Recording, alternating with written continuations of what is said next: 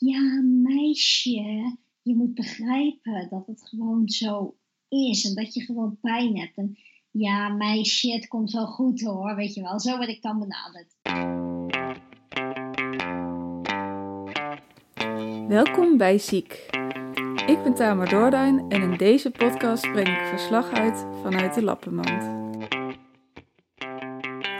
Voor deze aflevering praatte ik met Ryan. Net als ik heeft Ryan POTS, maar hij heeft ook het Ehlers-Danlos-syndroom. Dat is een bindweefselaandoening. Maar daarover later meer. Eerst heb ik namelijk nog een verrassing voor jullie. Misschien hebben jullie het al voorbij zien komen. Wetenschapsjournalist en columnist Asja ten Broeke bracht deze week een columnbundel uit, genaamd Calm the Fuck Down. En speciaal voor deze gelegenheid leest zij voor Ziek de podcast een van mijn favoriete columns voor. Asja is een van de weinige journalisten die regelmatig schrijft over genderbias in de medische wetenschap. Iets waar zij ook zelf mee te maken heeft gehad. In deze column bespreekt ze twee problemen waar zieke vrouwen mee te maken krijgen. Ten eerste dat artsen sneller denken dat hun symptomen wel niet zo erg zullen zijn. En ten tweede dat er ook gewoon minder medisch onderzoek wordt gedaan onder zieke vrouwen. En dat zijn natuurlijk twee problemen die elkaar enorm versterken. Maar voordat ik dat nu allemaal zelf uit ga leggen, geef ik snel het woord aan Asja ten Broeke. Met de column Zo blijven vrouwen ziek.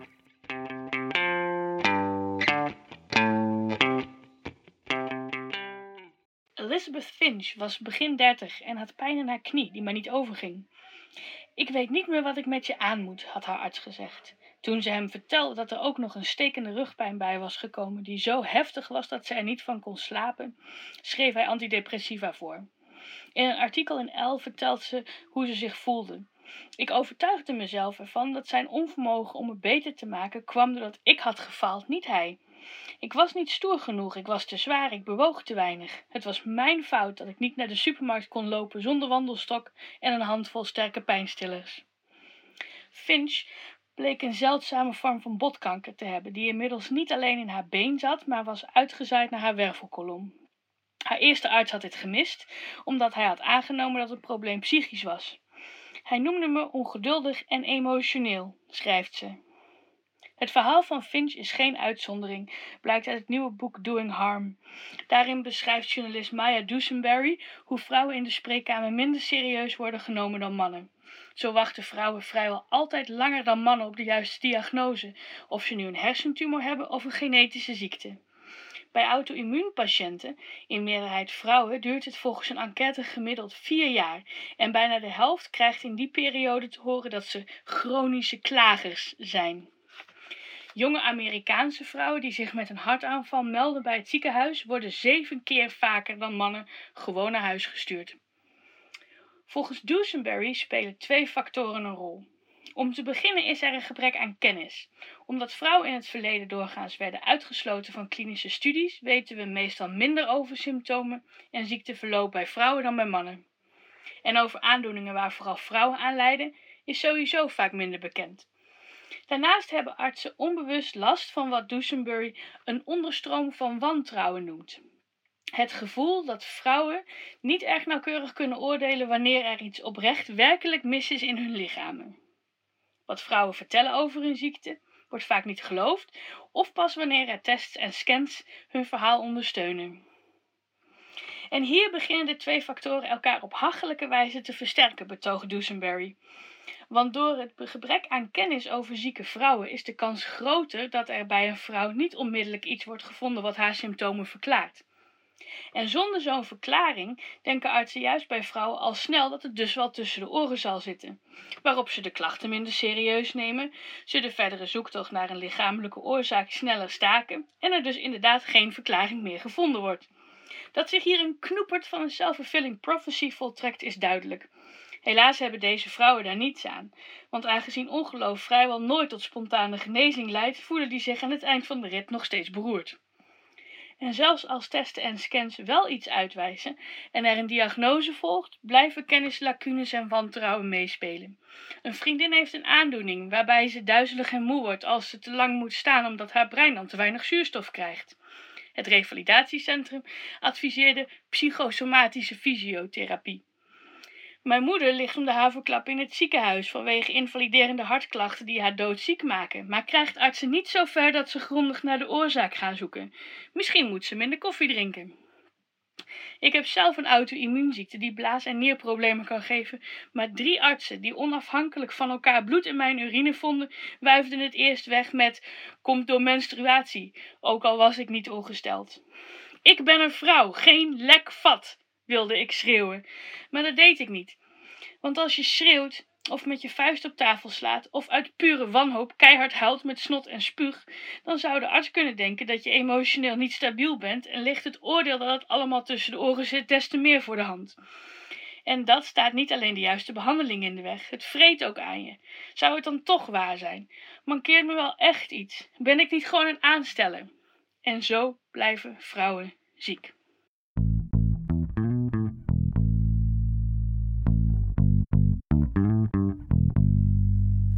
Calm the Fuck Down, de columnbundel van Aschet en Broeke, staat vol met dit soort scherpe columns. Niet alleen over medisch seksisme, maar ook over onderwerpen als neoliberalisme, racisme en fatshaming. Het boek ligt nu in de winkel en in de bibliotheek. Dan is het nu tijd voor het interview met Ryan, die weliswaar man is, maar als transman als geen ander mee kan praten over medisch seksisme. Ryan en ik hebben allebei ons best gedaan om een beetje spontaan te zijn tijdens dit interview. Maar dat was een beetje lastig, omdat we dit interview al een keer eerder hadden opgenomen. Ryan's stem klonk op die geluidsopname alleen nogal blikkerig. En hoewel ik aanvankelijk nog dacht dat het wel meeviel. Ja, ja, ik ben uh, Ryan, uh, 23 jaar. Viel het niet bepaald mee. Dat wil ik jullie dus niet aandoen. En ik vind dat Ryan een medaille verdient dat hij bereid was om zijn hele verhaal opnieuw te doen. Ryan vertelt over de lange omweg die leidde naar zijn diagnoses. Al op jonge leeftijd leefde hij elke dag met pijn, maar werd daar niet serieus genomen. Artsen gebruikten herhaaldelijk zijn autisme-diagnose om zijn klachten te bagatelliseren. Ook spreken we over de moeilijke thuissituatie waar Ryan kort geleden aan is ontsnapt door op zichzelf te gaan wonen en hoe lastig het is om je te ontworstelen aan de normen waarmee je bent opgegroeid. Tot slot vertelt Brian over de manieren waarop hij zijn frustratie over zijn gemarginaliseerde identiteiten, chronisch ziek, gehandicapt, transgender, autistisch, inzet om meer bewustwording te creëren. Verder nog iets. Ryan en ik griezelen in deze aflevering veel over de horror van het moeten aannemen van bepaalde lichaamshoudingen, zoals staan en met de benen naar beneden zitten. Voor de luisteraars die niet bekend zijn met de aandoening POTS, is ons beklag over deze houdingen waarschijnlijk moeilijk te volgen. Het zit zo. Ryan en ik hebben dus allebei POTS, een aandoening waarbij de bloedstroom naar het hoofd te wensen overlaat wanneer ons lichaam te verticaal is. Wanneer wij staan of met de benen naar beneden zitten, worden we duizelig en krijgen we hartkloppingen. En Ryan valt daarnaast ook vaak flauw. Voor meer over POTS verwijs ik je naar aflevering 1 van deze podcast. Ik wens jullie veel luisterplezier.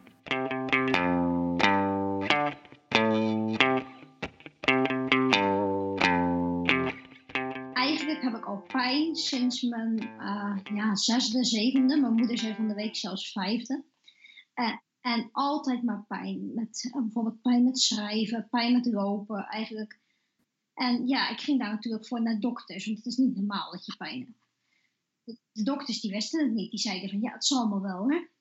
Ik heb de raarste dingen gehoord. Ik heb gehoord van uh, mensen met autisme, ik heb dan ook autisme, hebben een lagere pijngrens. Dus, dat, dus je hebt meer last, want je hebt een lagere pijngrens. Wend maar aan.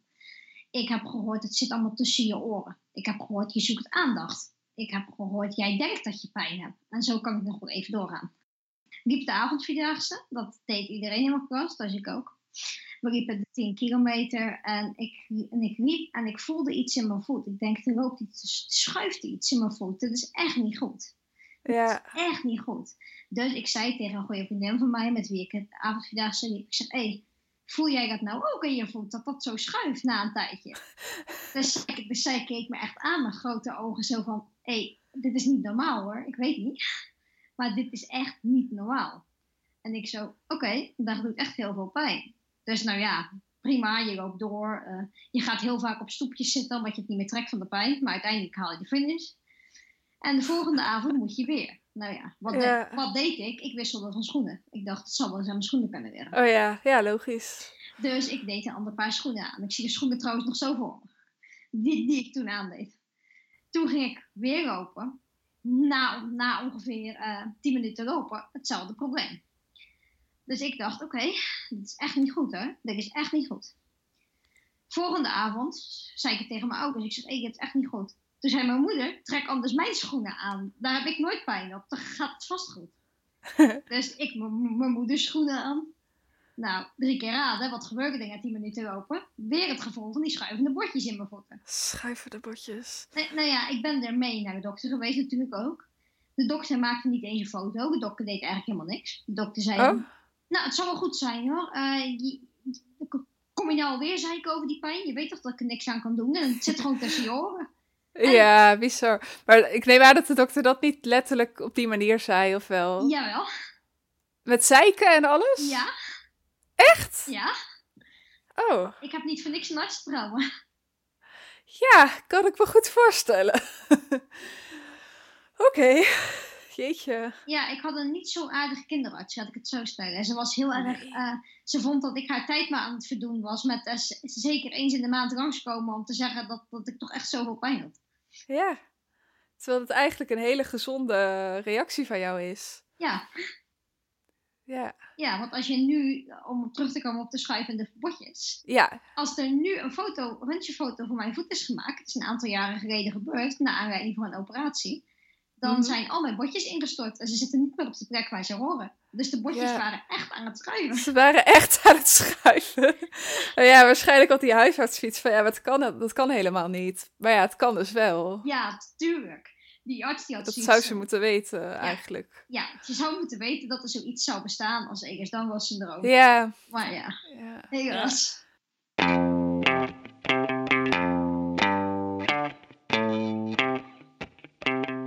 En het was heel frustrerend altijd. Want uh, ik voelde mezelf aan last van mijn omgeving door mijn pijn. Want op een gegeven moment werd die pijn zo erg. Ik kon steeds minder goed lopen, steeds minder ver, want ik had heel veel pijn. En ik was ook heel erg thuisig. En dan zei ik dat tegen mijn ouders. Ik weet nog wel, dat is zo'n 2,5 jaar geleden, denk ik. Toen waren we in Parijs. En toen zei ik tegen mijn ouders: hey, jongens, ik kan echt niet meer lopen. Ik, echt, echt, ik voel me zo naar. Ik voel me zo naar. Ik ga dood. Ik ga dood, zei ik. Ik had pijn. Ik was duizelig. En mijn hart deed heel raar. En ja, ik, mijn enige reactie was: Ik moet op de grond gaan liggen nu. En ja, en mijn ouders werden toen heel boos. Die zeiden, je verpest onze vakantie en doe dat toch eens een keer normaal. En ik dacht, jammer, jammer, ik ga dood, ik ga dood. En meer kon ik gewoon echt niet zeggen op dat moment. En toen ik op de grond lag, toen voelde ik mezelf eigenlijk gelijk een heel stuk beter. Dus ik dacht, oké, dit is raar. Nou ja, in mijn familie komen hartaandoeningen voor. Dus ik ben gelijk toen ik thuis kwam dat, dat laten onderzoeken. Want ik dacht zo van, dit is volgens mij wel iets met mijn hart en dit is eng. Ja, want voelde je ook hartkloppingen? Ja, ja. ja, ja. Ik dacht, oké, dit is eng, dit moet ik laten uitzoeken. Ja. Nou ja, en toen kreeg ik redelijk snel de diagnose POTS vanwege een uh, hele slimme co-assistent die zei, maar wordt het niet erger als je opstaat dan? oh, echt een co-assistent ook? Ja. Oh, dat is zo typisch. Dat hoor je vaker ook. Dat stagiaires en zo, dat die vaak weten wat POTS is. Hij had het waarschijnlijk net in college gehoord, denk ik ja? Oh, dat hoop ik, dat ze tijdens college krijgen. Dat denk ik. Oh, dat zou echt super zijn. Nou ja, en toen gingen we dus zo'n actief staattestje doen. En toen, ja, binnen drie minuten zat ik er 60 slagen bij. Eh, ja, dus. Ja, maar dat is echt fantastisch. Dat je gewoon naar het ziekenhuis gaat met hartklachten. En dat zij er dan achter komen dat je pots hebt. Ja. Zoals mijn enthousiaste reactie misschien al laat zien, hoor je niet vaak dat potspatiënten hun diagnose min of meer vanzelf krijgen. Gewoon door met hun klachten naar een arts te gaan. Maar met zijn andere diagnose, EDS, had Ryan minder geluk. Nou, dat duurde echt nog heel lang. die voeten die bleven vreselijk lang pijn doen. En dat werd ook steeds erger. Maar ja, ik moest gewoon blijven lopen. En ik bleef nog steeds meerdere keren per jaar naar de huisarts gaan met klachten van pijn in mijn voeten. Daarna werd het pijn in mijn heupen en mijn voeten, pijn in mijn knieën en mijn voeten, pijn in mijn rug en mijn voeten. Steeds meer. Ja. En ik bleef naar de dokter gaan en de dokter bleef zeggen: Ik weet niet wat er met jou is, maar volgens mij kik je echt op aandacht. Huh? Ik weet niet wat er met jou is, maar je stelt je aan. Ja. Je moet doorbijten, je moet doorzetten. Nou ja, uiteindelijk had ik een collega die had Ehlers-Danlos. En die keek mij heel verschrikt aan. En die zei tegen mij: Ik weet wat er met jou is. Ja. Dat was iemand van Wij staan op, toch? Ja, klopt. Ja. En die keek mij heel verschrikt aan. En die zei: Ik weet wat er met jou is. Ik denk dat jij Ehlers-Danlos hebt. En jij gaat, morgen, jij gaat morgen naar de dokter. En jij gaat vragen om je te laten testen. Nou, nu, nu durfde ik al bijna niet meer. Want ik dacht: Die dokter zie me aankomen. Komt hij weer? Zo van: Heb je die Ryan weer over zijn pijn? Again. Maar ik ben toch gegaan. Want ik had zelf op internet ingelezen over Ehlers-Danlos. En ik schrok. En hoe erg ik me daarin herkende. Dus ik ging. En eh, nou ja, ik werd doorgestuurd om het uit te sluiten. Nou, toen werd ik getest en toen had ik het. Oh, zo. eh, dat, is, dat is wel echt een bijzonder moment dan. Hoe reageerde jouw huisarts eh, toen je daarmee kwam? Eh, ja, eigenlijk heel verbaasd en heel raar. Ja, ja, je hebt dat dus toch. En ja, ik had het echt niet verwacht. En het is zo zeldzaam. Ja, zeldzaam is het, maar ik heb het toch? Ja. Ja, en in de andere podcast die ik dus eh, vaak luister, is Sickness and Health. eh, daarbij zegt de host, die zegt heel vaak... ehm, ja, één specifieke ziekte is misschien zeldzaam. Maar als je alle zeldzame ziektes bij elkaar neemt... dan hebben echt heel veel mensen een zeldzame ziekte. Dus het is... Eigenlijk zouden artsen veel sneller aan zeldzame ziektes moeten denken. Omdat de kans gewoon best groot is dat je een zeldzame ziekte hebt. Ja. Ja, dat is gewoon zo. Want er zijn zoveel zeldzame ziektes. Ja. Ja, ja. Eh, zou je ehm, voor luisteraars die er nog nooit van hebben gehoord, uit kunnen leggen wat Ehlers-Danlos syndroom is? Ja, nou, dat kan ik. Eh, eh, in je, overal in je lijf zit bindweefsel. En ik omschrijf bindweefsel altijd een beetje als de lijm van je lichaam. Mhm. Dat moet dus alles vastplakken waar eh, dingen vastgeplakt moeten worden. Denk aan je gewrichten, je organen, je huid. Eh, bij Ehlers-Danlos syndroom is deze lijm eh, geen superlijm, maar goedkope pritstift. Dus alles gaat een beetje snel los. Dat betekent dat mijn gewrichten heel snel uit de kom schieten. Eh, maar ook intern kan je orgaanproblemen krijgen. Je kan problemen met je huid hebben. En dat allemaal omdat het bindweefsel niet goed plakt. Ja, want dat bindweefsel dat zit onder andere rondom de gewrichten. Ja, Maar eigenlijk, hoe ik het, volgens mij is het eigenlijk zo'n beetje alles wat niet huid, bot, orgaan of wat heb je nog meer?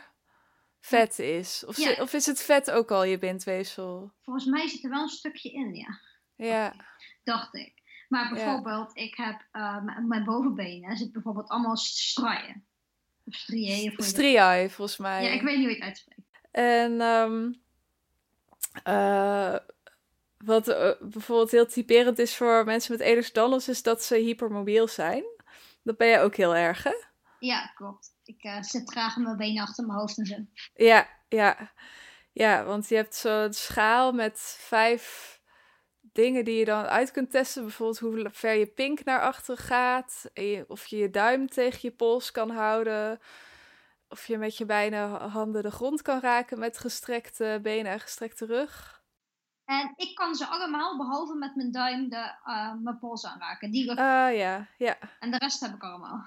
Ja, ook overstrekken van je ellebogen en van je knieën. Ja. En als je dan, als je dus hypermobiel bent, dan wil dat niet meteen zeggen dat je Ehlers-Danlos hebt, hè? Nee, nee, nee, zeker niet. Een Nee. heleboel mensen die zijn hypermobiel zonder dat het problemen geeft zelfs. Ja, Het ja, merendeel van de bevolking is hypermobiel in één of twee gewrichten. Eh, heb je echt generaliseerde hypermobiliteit, dus zeg maar in al je gewrichten, dan hoeft het nog steeds niet Ehlers-Danlos te zijn. Dan, zelfs niet als je de klachten van hebt, want dan kan het ook nog HSD zijn, Hypermobility Spectrum Disorder. En dat is niet zeldzaam. Ehlers-Danlos wel. ja, ja. Want en de Ehlers-Danlos, dat is vooral dat je ook eh, in je organen ook uh, problemen hebt. Ja, en in je huid. En ja, dat het echt gewoon multisystem is, zeg maar. Ja, ja. Ja, en heb jij zelf ook in je organen problemen daarvan? Ja, ik heb problemen met mijn maag. Ik heb uh, gastroparese. Ja. Betekent dat mijn maag heel langzaam leeg gaat. Als ik ochtends ontbijt, dan zit dat s'avonds nog in mijn maag, zeg maar. Oh, ja, ja. Heb je dan ook een vol gevoel? Ja, vreselijk. Ja, een uh, gestopte worstgevoel, zeg maar. Ja, dus het liefst wil ik dan niet eten, want ik zit vol. Maar ja, dan moet je weer eten. Het is weer etenstijd. Dat is echt best wel zwaar. Ja, ja, want je kan daar ook heel erg van afvallen, natuurlijk. Dat, dat bij jou ook gebeurt. Yes. Ja. ja, en want dat is ook iets waar mensen vaak uh, uiteindelijk een zonde voor krijgen, toch? Ja, ja, uiteindelijk wel. Ja. Als het met eten gewoon niet meer gaat en met bijvoeding niet meer, dan uh, is dat de, de laatste stap. Ja, ja. Ja, en uh, botsen en Ehlers-Danlos syndroom komen ook vaak samen voor. Maar ja. het is toch niet bekend waarom? Nee, ze weten niet waarom, maar het is heel vaak. Eigenlijk, hey, vooral mensen met... Uh, heel vaak komt het voor bij hypermobiel Ehlers-Danlos syndroom. Dat is dan het type wat ik heb. Ja. Maar het komt ook vaak, vaak voor bij andere types. Eigenlijk gewoon bij alle types van EDS. Ja, ja. Ja, en ook andere vormen van orthostatische intolerantie. Dus. Orthostatische hypertensie zien, zien ze ook vaak. Ja, ja. Denk je dat artsen jou een lastige patiënt vinden? Ja, ik weet wel zeker. En waarom? Nou, omdat ik geen. Ik heb nooit, zeg maar, nee uh, voor een answer willen nemen. Ja. Ja, zelfs toen ik daar op mijn achter zat met pijn. Toen, als ze dan zeiden, ja, het zit tussen je oren, dan dacht ik, ja, dat kan je nou wel zeggen. Maar ik voel dat het iets echt is. Ik weet het zeker. Ja, en hoe, hoe denk je dat het komt, uh, niet om het goed te praten, maar om het te proberen te begrijpen? Waar denk je dat het aan ligt uh, dat het bij jou zo is verlopen? Uh, dat zijn verschillende redenen voor. Punt 1, ik heb autisme. Op mm -hmm. autisme zit natuurlijk nogal een stigma. Ja. Dus daar werd heel snel gebruik van gemaakt. Zo van, ja, je hebt autisme, je voelt dingen minder goed. En, uh, of juist te goed. Juist te goed, ja. Je, je pijngrens is te laag, je voelt dingen niet goed aan. En je stelt je een beetje aan, je overreageert. Je raakt snel in paniek, want je hebt ADD, weet je wel, dat soort dingen. En zo kreeg ik allemaal psychische misdiagnoses. Angststoornis, paniekstoornis, die ik helemaal niet heb. Ja, dus het werd eigenlijk allemaal psychisch geïnterpreteerd. Ja. Ik, want wat je ook wel vaak ziet, is dat mensen die uh, onbegrepen pijnklachten hebben, dat die in een SOLK-centrum uh, terechtkomen. Even tussendoor. SOLK staat voor somatisch onvoldoende verklaarde lichamelijke klachten. Er bestaan speciale instellingen waar je terecht kunt als je dit soort klachten hebt. En ik ken ook mensen die daar echt heel veel baat bij hebben gehad. Um, maar is dat bij jou ooit geopperd? Nee, nee. Nee, ze stuurden me gewoon steeds weg. Ze zeiden gewoon steeds, ja, zit tussen je oren. Doorduwen, doorduwen, doorduwen. Doorduwen, ja. Ja, en daar, ja, en daar heb ik mezelf flink mee beschadigd met al dat doorduwen. Ja. Uh, waar we het uh, vorige interview ook nog over hebben gehad, is uh, jij bent transgender. En nou ja, je bent dus een man, je bent Ryan. Maar ja, tot voor kort ging jij door het leven in de hoedanigheid als vrouw, zeg maar. Dus misschien dat het ook nog wel invloed heeft gehad. Denk je dat zelf? Ja, ik weet wel zeker. Ja. Ik, bij, al die artsen, bij al die artsen waar ik was, dan zeiden ze echt zo... Ja, meisje, je moet begrijpen dat het gewoon zo is. En dat je gewoon pijn hebt. En ja, meisje, het komt wel goed hoor, weet je wel. Zo word ik dan benaderd. Nu, nu, net mijn paspoort veranderd. Ik ga naar die dokter en ik zeg, ik wil getest worden op PDS. Hij zegt, hij, ge hij geeft me klap op mijn schouder. Auw. Auw. Ja, ja, jongeman, dat gaan we doen. Als jij het wil, dan gaan we dat doen. Terwijl, terwijl ik eerst continu weggestuurd werd. Oké, okay. oké. Okay. Dat is toch raar? Ja, dat is heel raar, ja klap op je schouder ook niet zo handig met EDS. Nee, dat deed een beetje zeer. ja.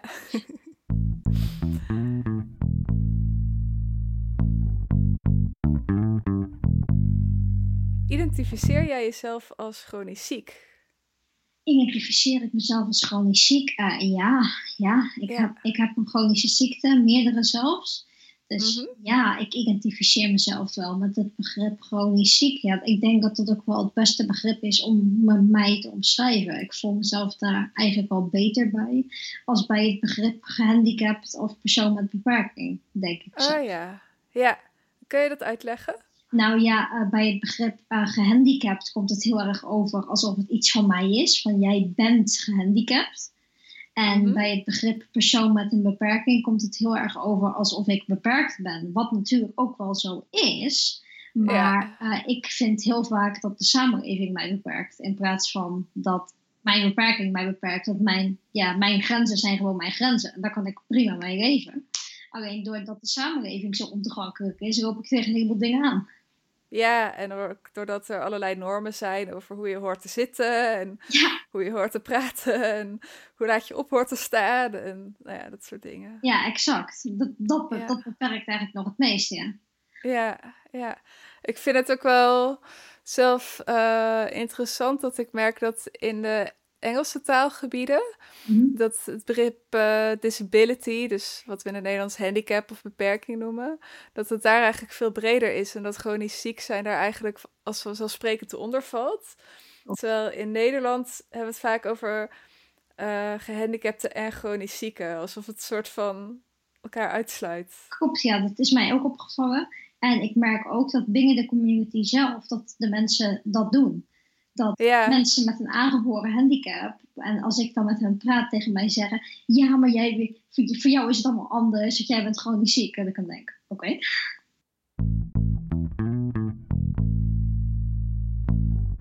eh, ik merk dat ik wat minder soepel ben dan eh, tijdens het vorige interview. Ja, ja, dat maakt niet uit. Dan, eh, Nee, knippen we er gewoon uit. Precies.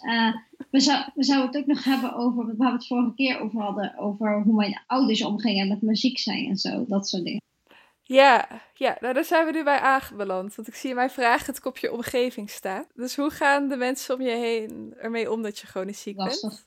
Heel lastig. Mijn ouders die snappen er geen ene bal van. Ik, ik woon nu gelukkig op mezelf. Maar eh, toen ik nog bij mijn ouders woonde, was het echt één grote ellende.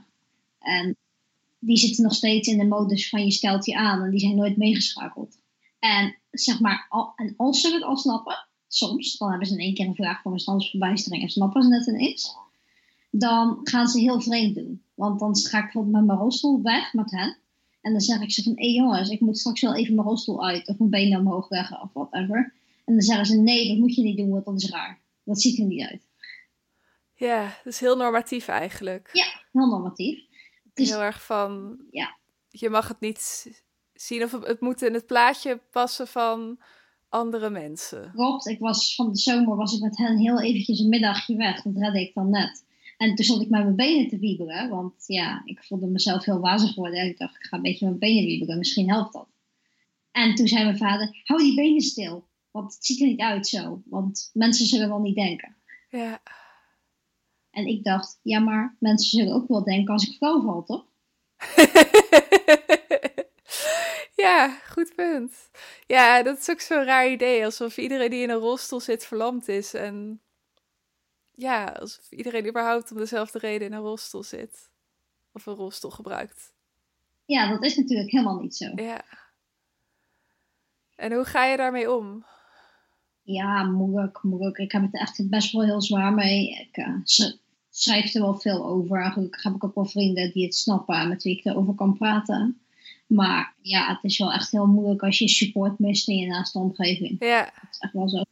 ja want ik schrik me echt de pletter elke keer als je iets daarover vertelt.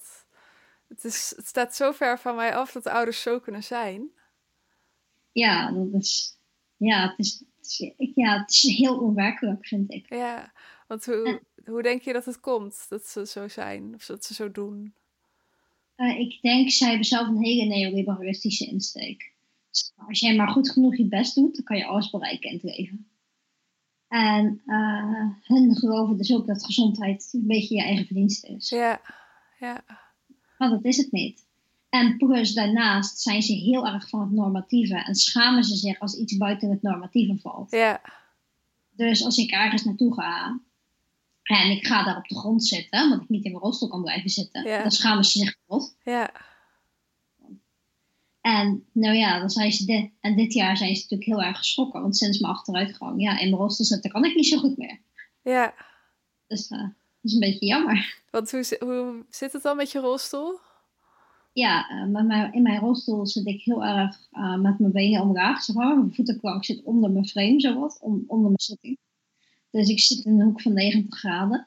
Nou ja, ik, ik heb van de week geklokt. Ik kon er ongeveer drie minuten in zitten voordat ik was geworden. Drie minuten. Ja, ja, En dan word ik heel wazig. En dan, eh, ja. ja. Ja, ik heb dat zelf fijn? ook door de pot. Ik kan gewoon niet... eh, ik kan iets van vijf minuten met mijn benen naar beneden zitten, maar daarna moet ik ze echt weer omhoog leggen. ja, voelt niet fijn, hè? Ja, nee. Nee. Nee, totaal niet. Ik hou dat ook echt niet lang vol. Nee, het is soms ook lastig, want dan ben je dus ergens. Van mijn ouders een dagje weg zou gaan. Dan zou ik acht uur mijn benen omlaag moeten houden. Want ik mag ze echt niet omhoog leggen. Ja, Niet heel fijn. mag niet. Het, het is... Ja, Nee, mag niet. ja. Ja, het is voor mij Nee. heel moeilijk te bedenken dat de ouders... Ja, dat dan belangrijker vinden dan hoe het met jou gaat.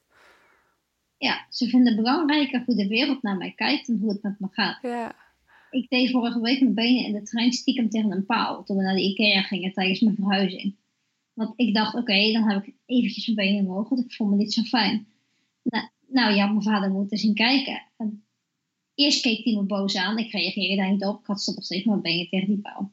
Toen vervolgens ging hij zo sissen naar me, zo bozig. Moet dat nou echt en waarom doe je nou zo? En eh het ziet er toch niet uit en je bent een last voor je omgeving en kan je je benen niet gewoon stilhouden? En ik zo, nee. ja. Nee. Hoe gaan ze eigenlijk om met jouw transgender, eh, transgender zijn? Eh, ook moeilijk. Ja, Dan zeggen over mijn transgender zijn, zeggen ze. Je snapt toch wel dat het voor ons heel moeilijk is. Oh, ja. Want we hebben al zoveel. Je bent al ziek en nu hebben we dit er ook nog bij. ja.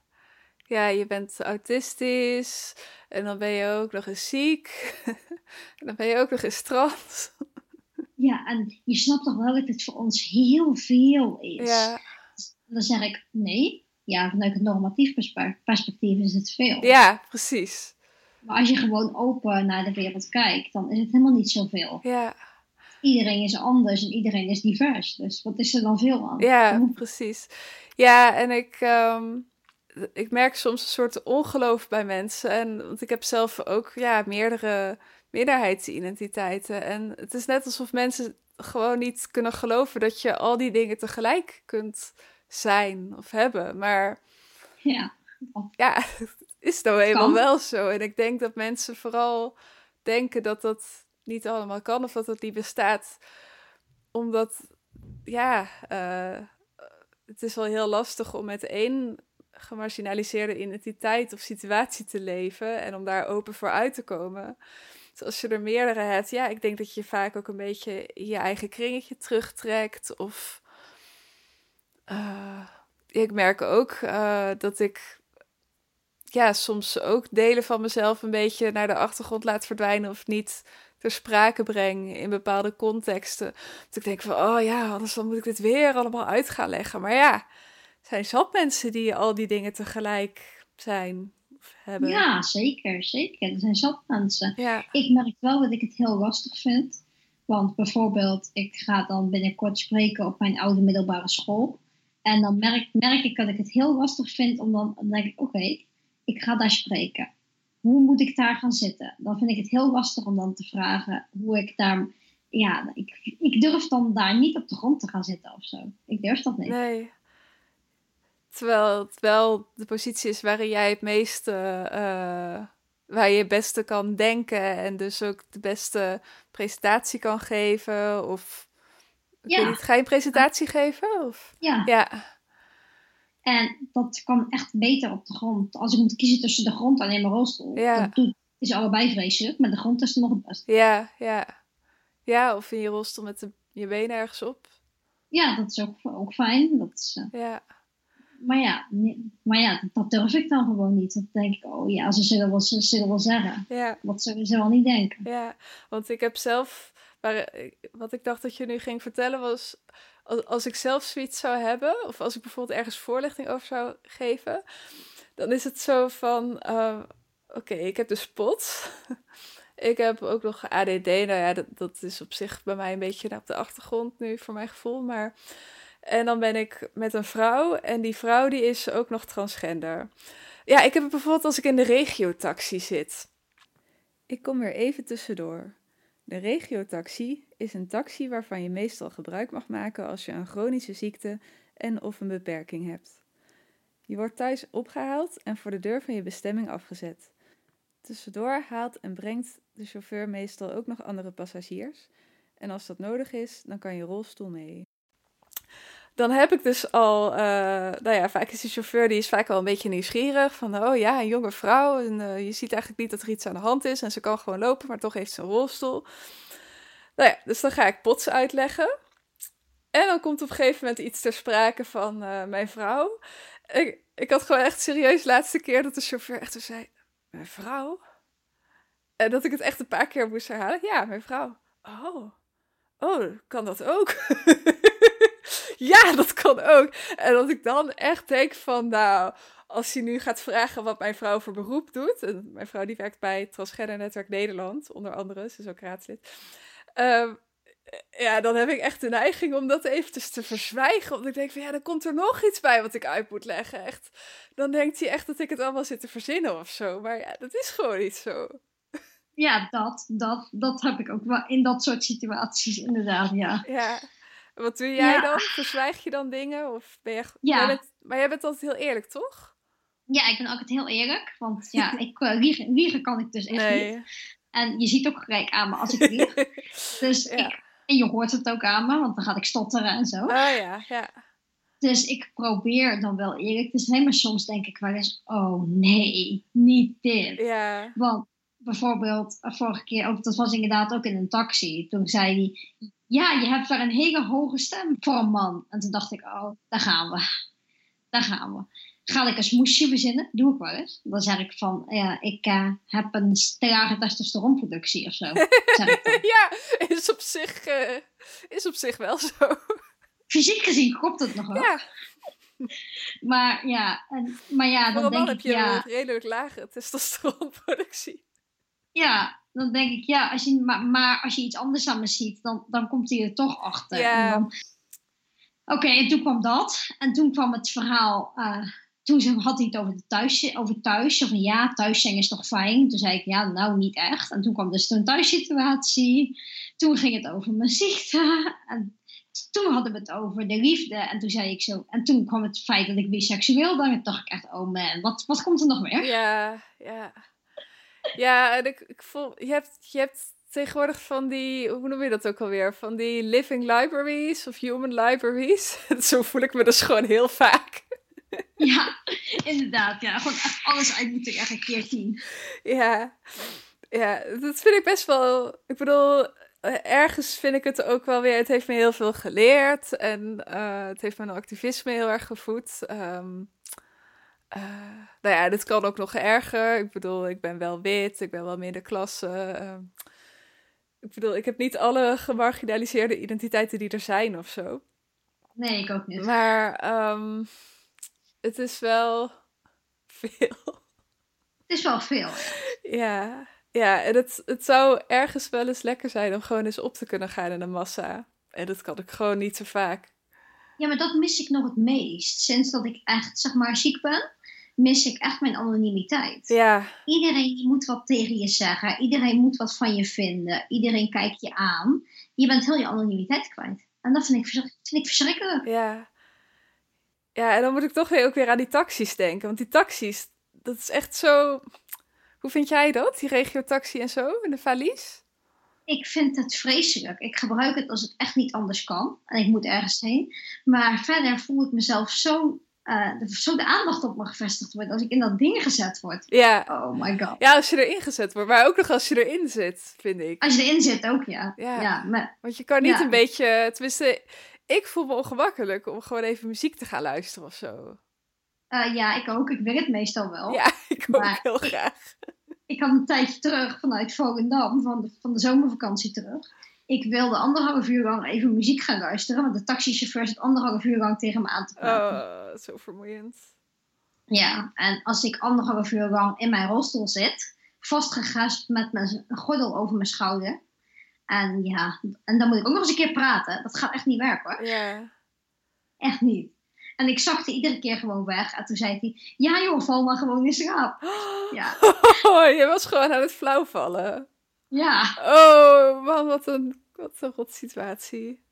ja, nogal. En mijn ouders zaten er ook bij. En mijn vader die zat steeds zo te porren tegen mijn, tegen mijn arm. Zo van, hé, hey, wakker blijven joh. Niet zo onbegrepen. Oh.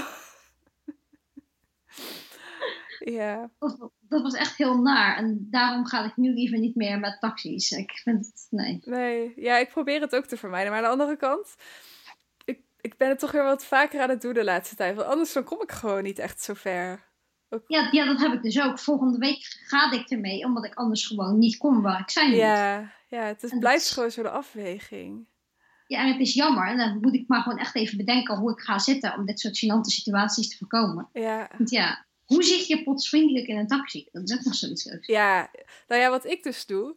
Ik heb dus, eh, ik heb ook nog geen ideale rolstoel, maar eh, ik heb wel een rolstoel waarbij ik mijn beensteunen zo omhoog kan kantelen. Dus dat ik met mijn benen gewoon recht vooruit zit.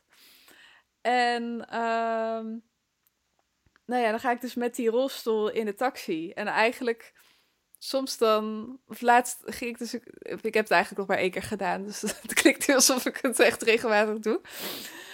Eh, maar eh, het was echt heel raar, want ik ging ergens heen waar ik verder mijn rolstoel eigenlijk nauwelijks nodig had. Waar ik wel zonder had gekund. Mhm. Dus ik nam mijn rolstoel mee om goed in de taxi te kunnen zitten. Ja, dat is toch verschrikkelijk. Kijk, ik, ga- ik ga ook ergens heen waar ik in principe geen rolstoel nodig heb. Ja. Is voor de deur afgezet en ik ga daar gewoon spreken. Ja, ja, Maar vervolgens denk ik, oké, ik moet in die taxi zitten. Hoe kan ik nou het beste in die taxi zitten? In mijn rolstoel zit ik niet goed. Op de taxistoel zit ik niet goed. ja. Het is drie kwartier. Ik heb geen zin om flauw te vallen. Maar hoe moet ik zitten dan? Ik, ik Ja, op de grond of zo. Ja, je kan... Nee, dat, dat mag niet. Nee, dat mag maar. niet. Nee, en vroeger kon je dan nog zo'n ehm, toestemming krijgen of een soort speciaal iets dat je voorin mocht zitten. Maar dat las ik tenminste ergens. Want ik dacht, oh, als ik dat nou eens kan regelen. Maar toen had ik dat gegoogeld en toen kwam ik dus tegen dat dat vroeger bestond, maar dat is dus afgeschaft.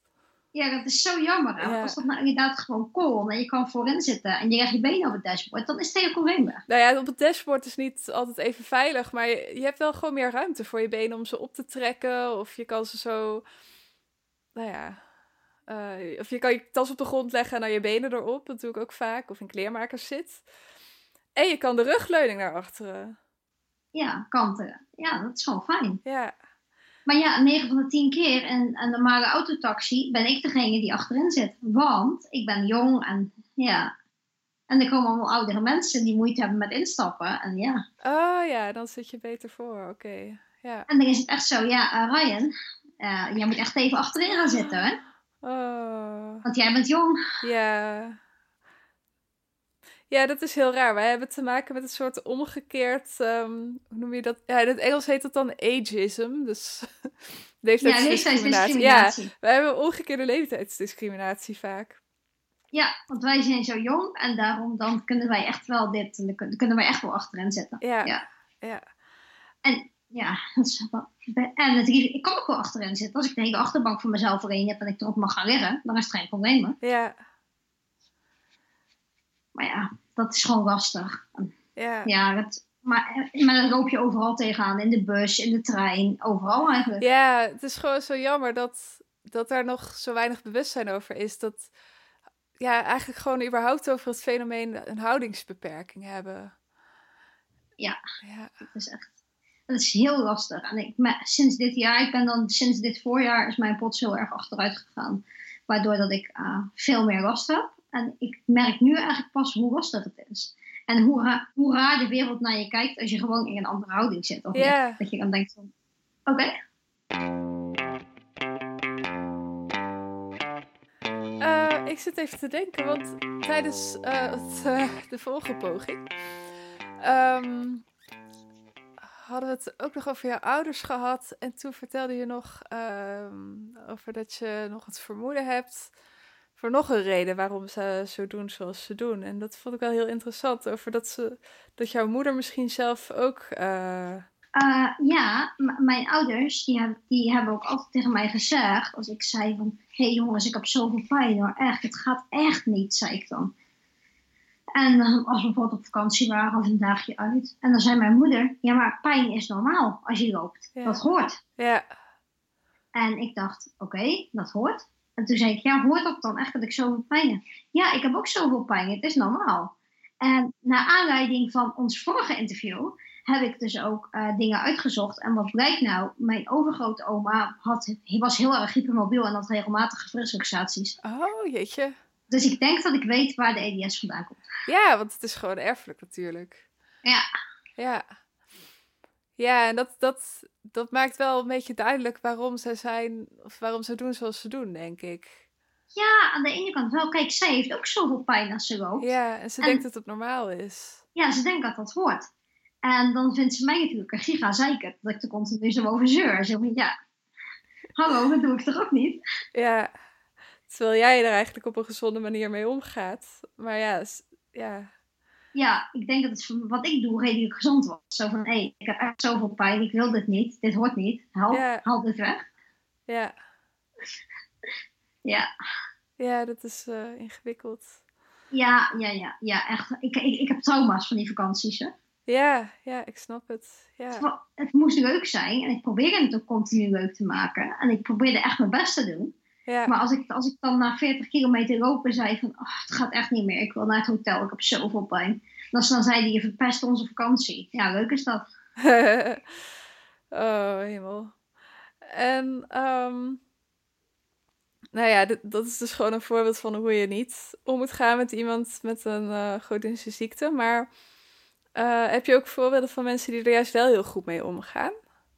Eh, in mijn omgeving, nou ja, ik heb een hele goede vriendin die echt gewoon snapt wat de bedoeling is en wat nodig is, zeg maar. Mhm. Ik bedoel, vorige keer zouden we naar de film gaan, maar ik zei van, ik ging belde erop en ik zei, ik, het gaat echt niet. Ik kan gewoon echt niet rechtop zitten nu.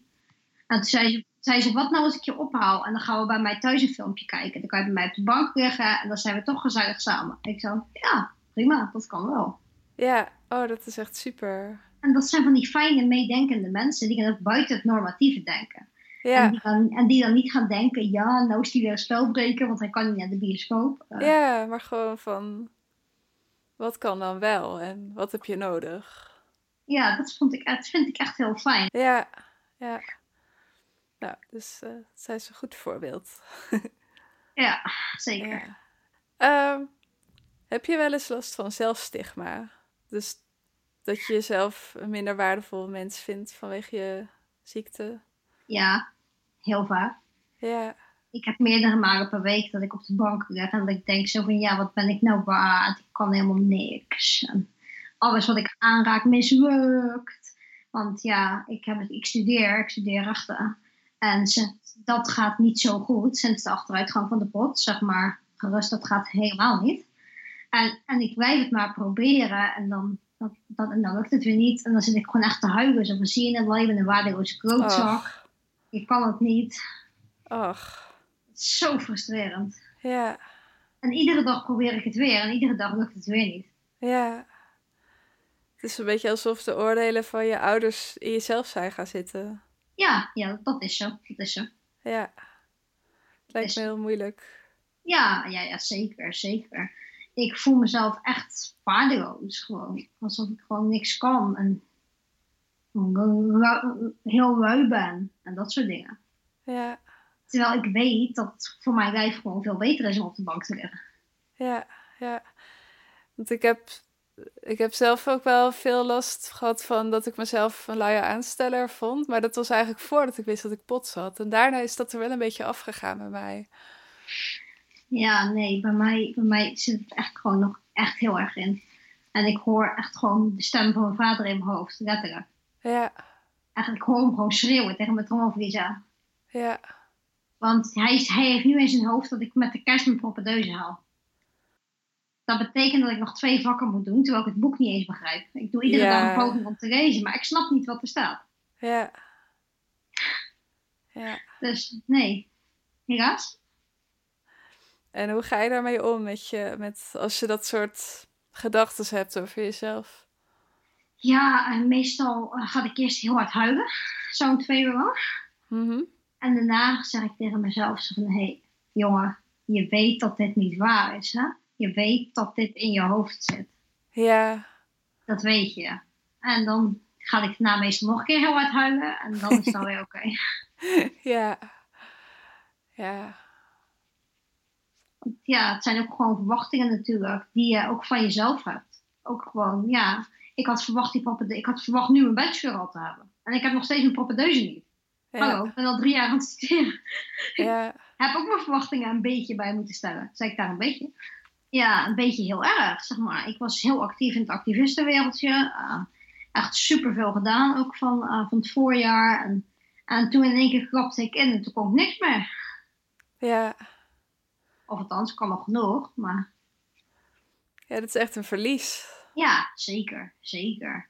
Ik bedoel, als ik zag wat ik van het voorjaar allemaal deed en daarna klapte ik dus in en toen kon ik in één keer veel minder. En toen dacht ik, kreeg ik allemaal uitnodigingen om met de minister te praten, met de staatssecretaris te praten. En ik heb op alles nee moeten zeggen. En toen dacht ik echt, wat Ja. is dit? Waarom? Ja. En ik kon er ook de vinger niet zo snel op leggen waarom het nou zo mis was gegaan. Bedoel, ja, ik was heel erg allergisch, maar dat heb ik, dat heb ik altijd.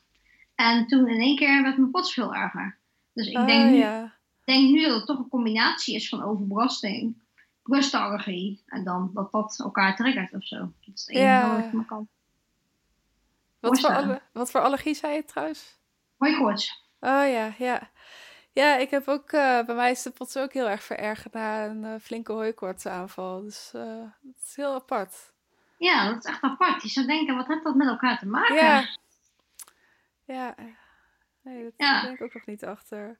Nee, anders zou je toch ook denken, als de hooikoorts weg is, moet die verergering van de pots ook weer weggaan. Maar, Ja, precies. Ja. maar, maar, maar nee, het is nu najaar, de hooikoorts is weg, maar de verergering van de pots is nog steeds. Ja. ja. Oneerlijk. Je, je had het over eh, uitgenodigd worden bij de minister en dat soort dingen. Ja, Kan je daar wat meer over vertellen? Want het is vanuit Wij Staan Op, denk ik, hè, allemaal. Wat voor, voor organisatie is dat? Wij Staan Op is een organisatie van eh jongvolwassenen die zich willen inzetten voor een inclusieve samenleving. Ja, voor Dat mensen met een beperking. Voor mensen met een beperking, precies. Ik werkte eerst heel veel vanuit Wij Staan Op, inderdaad. Eh, zo heb ik ook aan het plan de loondispensatie, daar heb ik heel fel tegen geageerd. Oh, ja. ja. En eh, op persoonlijke titel eh, ben ik op dit moment ook uitgenodigd bij de minister van Volksgezondheid om te praten over beleid op zeldzame ziekten. Oh, wauw, dat is echt zo tof. Om daar zeg maar ook over mee te denken. Want ja, hij heeft, had ook door naar aanleiding van de presentatie die ik gaf dat daar heel veel op misgaat. Ja, Ik moet erin even kijken hoe het haalbaar blijft. Want ja, ja, na de presentatie die ik gaf moest ik twee weken bijkomen. En ik Ja. heb idee dat ik er nog steeds van aan het bijkomen ben. Dus Ja. ja, nee, Ja. dat was niet zo fijn. ja, het moet gewoon op jouw termen.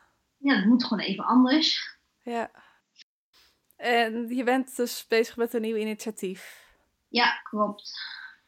En kan je daar al, ehm, want het is volgens mij nog een beetje geheim wat het precies allemaal gaat zijn, maar Klopt. kun je een tipje van de sluier oplichten? Nou ja, ik kan in ieder geval vertellen dat we vanaf januari live gaan. Oké, wauw, dat is En tof.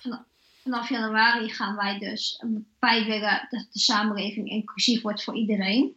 Maar dan op een best wel een felle manier. Wij willen validisme uitbannen.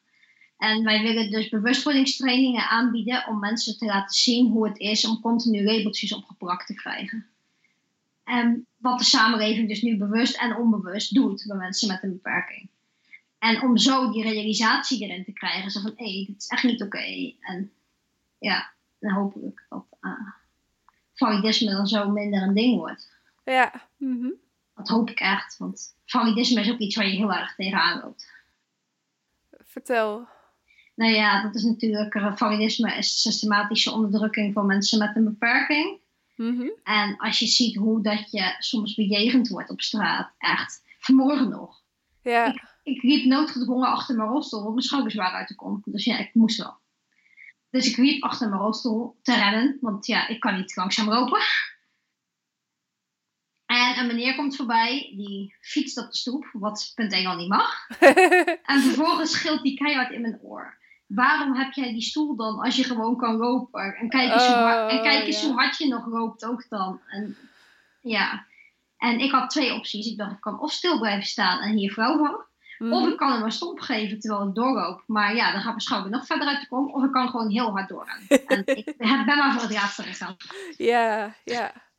Ja, nee, want eh, jij bent net als ik een, ehm, iemand die, eh, ja, die dus een rolstoel gebruikt, maar die ook kan lopen. Ja, klopt. Je ziet er niks aan. Op bepaalde hoogte, zeg maar. Ja, Ja, en Ik dat kan- is... ja, ik kan lopen vanaf hier naar de bushalte. Alleen dat ik daarna pijn heb, dat is kwartier lopen. Dat ik daarna pijn heb en dat daarna mijn hart helemaal in mijn keel zit, dat ziet niemand. Dat voel alleen ik. Ja, en dat je er heel lang van moet bijkomen en dan daarna niet zoveel meer kan. Dat zien mensen ook niet. Nee. Nee, nee, precies. En eh, nou, je bent dus actief voor Wij Staan Op. En je bent bezig met een nieuw initiatief. En je bent ook actief voor Dit is Spots. Klopt. En dan heb je laatst ook nog een nieuwe vrijwilligersfunctie gekregen, toch? Ja, klopt. Ja. Ik eh, ben aangenomen als game recensist bij gamingnation.nl. Dat is echt heel gaaf. Want gaming is een van mijn grootste hobby's. Want dat is iets wat redelijk makkelijk kan. Gewoon liggend op de bank. En eh, ik ga gewoon dan helemaal, ik word helemaal in een andere wereld gezogen. Ik speelde laatst een spel waarin je het universum moest redden. En ik geloofde echt dat ik het universum aan het redden was. Terwijl ik daar lag op de bank. Mhm. En je vergeet gewoon je hele leven. Je vergeet Ja. alles. Nou ja, en daarnaast eh, schrijven, daar ben ik redelijk goed in. Mhm. Dus dan, toen dacht ik, oké, schrijven en gamen. Ja, daar komen twee passies samen. Dus, en het kan allebei liggend. Wat willen mensen nog meer? Ja, superleuk. Ja. En verder heb je, ehm, volgens mij, afgelopen weekend, wanneer ben je verhuisd? Afgelopen weekend, ja. Afgelopen weekend ben je verhuisd naar een nieuw stekje. Hoe is dat? Ja, geweldig. Ik ben afgelopen weekend verhuisd naar een eh, eigen huis. Ik heb een eh, mooi zelfstandig huisje. En daar woon ik gewoon op mezelf. En dat is echt heel fijn. Want ja, ik heb gewoon veel minder last van mijn ouders die zeuren. En ja, ik moet natuurlijk wel meer zelf doen. En dat is soms wel zwaar. Soms onderschat ik even dat ik dan, dan denk ik, oh, ik moet ook nog de afwas doen. En ik moet nog dit. En ik moet nog eten maken. En ik moet nog. En er ligt allemaal stof op tafel. En de wc is erg vies. Dat is dan allemaal zo. En, en, en, en. En overzie ik dan ook allemaal even niet. Maar meestal ga ik het dan gewoon even plannen en dan komt het wel weer goed. Ja, precies. Ja, dat is ook gewoon normaal natuurlijk. Als je op kamers gaat voor het eerst, wat veel andere mensen natuurlijk doen als ze voor het eerst zelfstandig gaan wonen, dan heb je dat ook net zo goed. Ja, klopt. En ik merk dat ik toch ook wel echt heel erg veel last heb van mijn hoofd dat het minder goed doet. Zo, zo kwam ik een pakje thee tegen in de koelkast. Ik was overal de thee kwijt en ik maar zoeken, zoeken, zoeken. Ik werd helemaal boos op mezelf. Ik dacht, ik ben het vergeten in de supermarkt. Toen, de- toen deed ik de koelkast open om yoghurtdrink te pakken. En toen stond thee in de koelkast met een lepeltje erbovenop. Vraag niet waarom. En was het lastig om een geschikte woonruimte te vinden? Heel lastig. Hoe heb je dat aangepakt? Ja, ik heb uiteindelijk gewoon de woningbouw gebeld. Aangezegd, hé, hey, ik wil heel graag een rolstoelwoning. En toen zeiden ze, die hebben we niet. Nou, toen, toen kwam ik op deze woning uit. Die had ik zelf gevonden op internet. Toen zei ik, ja, maar dit is toch een rolstoelwoning? Toen zeiden ze, ja, maar dat is eigenlijk onderdeel van een instelling. Toen zei, zei ik, nou oké, prima. Ik had nog een WLZ-indicatie uit mijn verleden. Want ik ben heel onzelfstandig geweest door een autisme. Oh ja, Dus ja. toen zei ik, die WLZ-indicatie is levenslang. Ik haat dat, want ik heb hem niet meer nodig. Maar kunnen we hem nu niet gewoon even misbruiken tussen twee haakjes? en toen zeiden ze, ja, ja dat, dat kan eigenlijk wel, ja. Vond het wel een goed idee. ja, dus toen hebben we die indicatie omgebouwd naar een volledig pakket thuis. En nu woon ik hier en eh, ik heb helemaal geen begeleiding. Ja, De begeleiding die eh, zit hier in het eh, huis tegenover mij. Maar ik, eh, ze steken de hand naar me op en ze zeggen hoi en doei. Ik hoef niet eens te zeggen als ik kom en ga. Ik ben zelfstandig stond. ja. het is zeg maar een soort woongemeenschap. We hebben ook een gez- gezamenlijke ruimte waar ik nog in één keer geweest ben. Oh ja, maar als je het nodig zou hebben, begeleiding, dan kun je er dan wel aankloppen? Ja, dat kan. Dat kan. Dat Ze zeggen ook als er wat is, dan moet je altijd bellen. Maar ja, Ja, dan denk ik, oké. dan Net zoals van de week had ik de hele afstel op het grond gehad te. Dan denk ik, ja, ga ik dan de begeleiding bellen of ga ik het zelf even opruimen? Nee, ik ruim het zelf op. ja, Ja, dat, dat, dat ik de nagel of ondersteboven op de bank moest hangen om mezelf weer goed te voelen. Dat is, eh, ja. Ik probeer de basisdingen te onthouden en goed te doen. Maar ik Ja. merk dat bijvoorbeeld zoiets als de was doen, dat is al te veel over mijn hoofd. Dat, dat, dat werkt niet. Ik weet gewoon niet waar ik moet beginnen. Ik sta bij de wasmachine en ik denk, oké, hoe moet dit aan dan? Oh ja. Dat is heel raar, want ik heb in de ICT gewerkt. En ik wist heel veel van computers en apparatuur. En Ja, ik stond vanmorgen huilend voor de wasmachine. Zo, ik weet niet hoe dit aan moet. Help. oh jeetje. Ik wist het niet. En toen dacht ik, oké, misschien moet je even gaan zitten. Maar toen wist ik het nog steeds niet. En, En toen? en toen heb ik het maar geraad. Toen dacht ik, oké, morgen komt mijn moeder op visite. Dan kan die Ja. misschien van jou de wasmachine aan moet. Oh ja, dat doe ik ook altijd. Ik doe ook altijd gewoon, als ik echt heel erg tegen een dingetje opzie, dan wacht ik gewoon tot mijn moeder langskomt. Die komt elke twee weken een dagje. Ja, ik heb eh, nu alleen heel weinig kleren. Want in de schuur staan ook nog allemaal dozen met kleren die ik uit moet pakken. Maar Mhm. daar moet ik staan om dat uit te pakken. En ik zie, dat, ik zie daar al sinds zondag tegenop. Oh ja, verschrikkelijk. Ik denk echt, nee, hoe ga ik dat doen? Want dan lig ik straks daar in die schuur. Ja. ja. Maar ben je wel, heb je al een soort van gelukzalige momentjes gehad van, yes, dit is gewoon mijn huis en Oh, ik kan ja. dit. En, Oh ja, echt. Ik ben eh, gewoon, zo, eigenlijk al gewoon als ik hier gewoon door het huis loop, dan heb ik het gevoel, dit is mijn huis. Ik woon op mezelf. Wat, wat is dit? Ik doe het gewoon. ja. En als ik op de bank lig en om me heen kijk, dan denk ik, wow, dit is mijn eigen huis. Ja, Ik doe het gewoon, ondanks alles. ja. En gewoon een mini-overwinningje. Ik ben nog geen één keer flauw gevallen sinds ik hier woon. Ja, oh, dat is ook wel heel goed. Ja, Ondanks dat je dus veel meer moet doen. ja. Maar ik heb nu een bank die binnen twee stappen lopen van alles staat. Ja, Dus zodra ik voel dat ik zeg maar er tegenaan zit, ga ik liggen. En thuis had ik dat niet. Thuis moest ik een eerste trap nog op en dat was net te veel. Bij mijn ouders thuis. ja. Ja, dat scheelt ook heel veel natuurlijk, die trap. Ja, ja. Ja. Die, mis ik, die mis ik niet, kan ik je vertellen. ik kan me voorstellen. Ehm, ik ben door mijn vragen heen. Jee. Ehm, is er nog iets waarvan jij denkt van, ik zou het toch wel graag nog willen vertellen? Of, eh, Heel even wachten hoor. ja. Slok water. Nee, maar mijn kaak schoot uit de kom. Oh, Zijn we weer. oh gaat hij goed? Ah ja, het is, een beetje, het is een beetje pijnlijk. Maar Oh, oh eigenlijk.